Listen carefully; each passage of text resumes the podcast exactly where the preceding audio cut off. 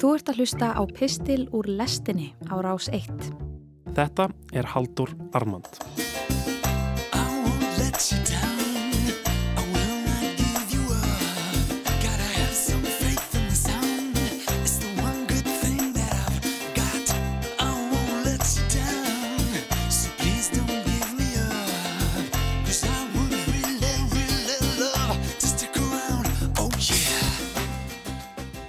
Farðu í dæmigert partí á Íslandi og það eru allar líkur á því að það verði Doritos á bóðstólnum. Farðu í partí í einhverju öðru landi og það eru hér um byrja engar líkur á því að þar verði borið fram Doritos í skál. Þetta er þjóðar snakkið okkar sem við treystum á gegnum súrt og sætt en það kostar pókin innan við 200 kall.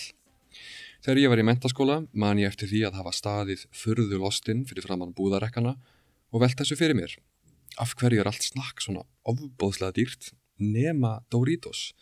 Af hverju er það lang ódýrast? Er þetta ekki framleitt í annari heimsálfu? Svo sá ég ljósið daginn, svarið bara kom til mín þar sem ég stóð kemsandi með póka af nacho cheese í hönd og virti fyrir mér umbúðunar. Þetta eru mægisflugur. Það hlaut að vera ástæðan fyrir því að Lays snakk kostaði 798 krónur en Doritos 165. Lays voru kartöfluflugur. Það hlutu að vera til einhverjir íslenskir kartöflukapitalistar sem ríkið verndaði með því að setja ofur tolla á innfluttar kartöfluflugur. En það gilt ekki mægis. Það voru engir mægis kapitalistar á Íslandi. Eitt af því sem kemur fram í samherjaskjölunum er að fyrirtækið hafi ekki viljað keppa um kvóta á markaði í Namibíu því það hefði verið of dýrt. Til var mun ódýrari leið sem var að fara beint gegnum sjávarútisráðarann sem jafnframt hafði vald til þess að breyta tónnum á hvern aðila eftir geðþóta. Þarna voru mættir íslenskir mittisúlpu kapitalistar á höttunum eftir kvóta og vitaskuld var það það síðasta sem þeim datt í hug að taka þátt í einhverju sem kallast gæti frjálsmarkaður. Nei, það var auðvitað allt og dýrt, miklu ódýrara að fara bakdýra leiðina gegnum ráþerra með geðþóttavald og sleppa þannig við vesenið og kostnaðin sem fylgir frjálsum markaði. Augljóslega voru þeir ekki vanir frjálsum markaði heldur hér í norður Allandshafi þar sem þeir hafa ávakstað sitt pund, diggilega stuttir og varðir af ríkisvaldi sem upphaflega gafðu þeim auðlind hafsins og er tilbúið að beita annað fólk ofbeldi ef það lætur sér detta í hug að anda á hlunindi þessarar ofur auðstéttar. En svo staðreind að auðmenn kæri sér lítið um frjálsa markaði þegar þeirra eigin hagsmunir er í húfi er auðvitað ekki bundið við samherjamenn. Þetta er heilkenni sem einkennir hegðun stórfyrirtækja. Þau tala fyrir mikilvægi frjálsra markaða og takmarkaðara ríkisafskipta en þegar til kastana kemur þá vilja þau að ríkið verndi hlunnindi þeirra og verndi þau frá óvissu, ófyrirsjáanleika og samkeppni hins frjálsa markaðar. Þess vegna vilja þau eiga sinn mann í ríkistjórninni. Þau vilja bartfóstru ríki fyrir sig sjálf. Fyrr í mánuðinum sagði fyrirverandi forstjóri og eigandi hins fallna VÁR að það hefði verið mun hagkamara fyrir Íslenska ríkið að koma að björgun VÁR heldur en að sjá á eftir flugfélaginu hverfa ofan í niðurfall markaðarins með tilherandi atvinnumissi fyrir fjölda fólks. Ég hef nákvæmlega engar forsendur til að meta það, það má vel vera að þetta flugfélag hefði reynst skattgreðendum aðeins léttbærara ef ríkið hefði bjargað því.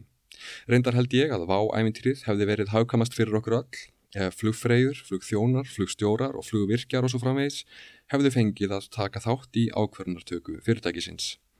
Eitthvað segir mér að þá hefði það ekki styrtað sjálfu sér svona hratt niður. En það sem skiptir máli er að hér talar maður sem er augljóslega ekki sáttur við lögmál og afleðingar fráls markaðar. Hann vildi fá að reyka flugfélag á hjálpardekkjum skattgreðenda í alþjóðleiri samkjörni. Og kannski ekki að ósegju. Fjöldi flugfélaga út um allan heim sem VÁ var í samkeppni við eru annarkvort ríkisreikin eða þykja reglulega hjálp frá ríkinu.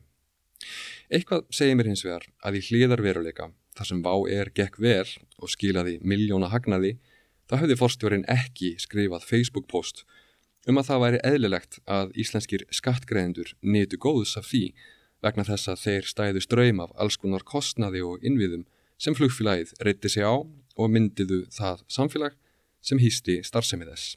Nei, eitthvað segir mér að honum hefði þótt fullkomlega eðlilegt að setja einn að þeim arði. Þetta er það sem kallað er too big to fail, það er að segja ríkistrygging fyrir rekstri stórfyrirtækja, engavætur gróði en sósialisti tap og náði episkum hæðum í efnagsruninu 2008. Það er að segja eigendur stórfyrirtækja sitja einir að þeim gróða sem áhættu starfsemi þeirra getur skapað eða gerir kleift að skálda upp en almenningur situr uppi með tapið þegar ítla fer. Þetta fyrirkomulag er svo eitt og sér kvati til þess að ástunda ennþá meiri áhættu höfðun í rekstri því þegar á botnin er kvólt mun tjónið ekki lenda á þeim sem taka áhættuna. En mítan um dýrð hinna frjálsu markaða er lífseg. Dægin eftir umfjöllunina örlegaríku um ævintýri samherja í Namibíu byrtust greinar eftir þingmenn og ráðherra íslensks hæriflokks á síðum morgunblasins. Tilefnið var 30 ára afmæli falls Berlínamúrsins. Þessir kjörnu fulltrúar voru annars vegar sammála um að sósialismi væri full reyndur og gjaldþróta hugmynd og svo hins vegar að það væri mikilvægt að við hættum aldrei að berjast fyrir frjálsum mörguðum og stæðum traustan vörð um markaðshagkerfið eða kapitalismann. Það var óneitanlega svo litið sérstakt að lesa þetta morgunin eftir uppljóstrunina um samherja. Græskulegs lesandi gata ekki annað en spurt sig hvaða frálsum markaði? Hvað eigið eiginlega við með frálsum mörguðum?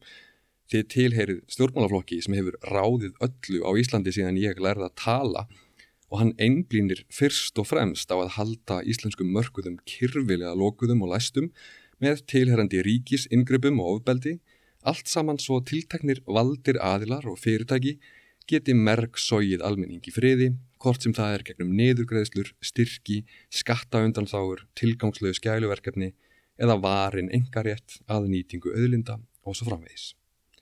Frálsir markaðir. Hvaða frálsu markaðir? Annar greinarhöfundurinn spurði hvað höfum við lært í fyrirsögn greinarsinnar og átti þar við 20. aldar sósialisma. Á móti hefði mátt spyrja hvað höfum við lært um kapitalisma frá falli múrsins. Svari við því er ímislegt, til dæmis kvöldið áður en greinin byrtist, þar sem við fengum í hendurnar kennslubókar dæmum það hvernig viðskipti fara raunverulega fram í því kerfi sem linnulaust er logið að almenningi með áróðri að sé eitthvað sem kallast frjálst markaðshagkerfi. Það er að segja, öllum tiltækum ráðum er beitt til þess að komast yfir auðlindir annara og tryggja að sá engaréttur sé síðan varin og helst tryggður með ríkis ofbeldi. Nýta síðan fjölmiðla, auglýsingar og greiðveiknar vitsmunaverur til þess að ljúa því stanslust að almenningi úr öllum áttum að allt sem er feldu, starfsemi þeirra sé sannkvölduð Guðs blessun eða happafengur eins og þekktur íslenskur stjórnmálafræði profesor kemst á orði fyrir almenning og allt saman auðvitað afrakstur hins dýrlega frjálsa markaðar. Það sem kallað er kapitalismi í nútímanum ætti með réttu að vera kallað ríkiskapitalismi. Stórfyrirtæki og superkapitalistar eins og til dæmis samherji tala nefnilega fyrir frálsum mörguðum, takmörguðum ríkisafskiptum, litlu ríki og svo framvegis, en vilja samt sem áður ekki að þessi atriði gildi um þeirra eigin starfsemi. Þau vilja sósalisma og ofurríki fyrir sig sjálf, sinn mann í ríkistjórninni. Þau vilja geta sendt ráð þeirra lagabreitingatillögur í tölvupósti. Þau vilja geta ringt í forsetan og látið hann lobbya fyrir sig við bankamenn í Marrakó. En þau vilja lámarksríki, lámarksvelferð og hoppsíst bellum omnium kontra omnes stríð allra gegn öllum fyrir alla aðra. Þau vilja borga eins litla skatta á hektir, borga eins lítil gjöld á hektir og taka þannig eins lítinn þátt í því að byggja upp samfélögin sem hýsa þau og hugsast getur. Á sama tíma og þau vilja að miskunarlaus kapitalismi og darvinísk markaslögmál gildi um lífsbaróttu allra annara, ekki síst fátæksfólks sem oftar en ekki á yngra kost á völ en að leia sjálft sig út til þeirra fyrir eins lítið kaup og atvinnu öryggi og hektir, jafnvel flýja heimili sín og fjölskyldur. Samkvæmt þessari heimsín hefur ríkið fyrst og fremst það hlutverk að þjónusta auðmagn og hlunindi þess og veita starfsemi þess lögmæti en ekki tryggja velferð þeirra sem standa höllum fæti og vera rammin utanum það sem í heilbreyðum heimi kallast samfélag. Ef það sem kemur fram í samherja skjölunum reynist satt og rétt, þá er auðvelt að útrópa stjórnendur fyrirtækisins og einblýna á sekt þeirra. Staðrendin er hins vegar svo að þeir eru þáttakendur í kerfi sem er allt svona og allur kvati þess liggur í þessa átt. Eins og einn yfirmanna samherja komst að orði við uppljóstraran, sangvað því sem segir í skjólunum. Ef þú hefur tækifæri til þess að borga sjávarúðusráðara, þá skaltu gera það strax. Og ég meina að sjálfsögðu á hinnum frjálsa markaði er ómetanlegt að ríkisvaldið skuldið er greiða. Því að þú ætlar að vera heiðalegur eða Guð hjálpa okkur ástunda einhverja manngesku á hinnum frjálsa markaði, þá verður þú hratt og öruglega þurrkaður út af þeim sem eru tilbúinir að grafa undan þér með öllum tiltakum leiðum. Sá rís hæst sem leggst leggst. Meira Doritos por favor, leiðin upp á hæsta tindin liggur ávalt um myrkasta dalin. Stöndum vörð um frjálsa markaðin, kæru vinnir, stöndum vörð um frelsi.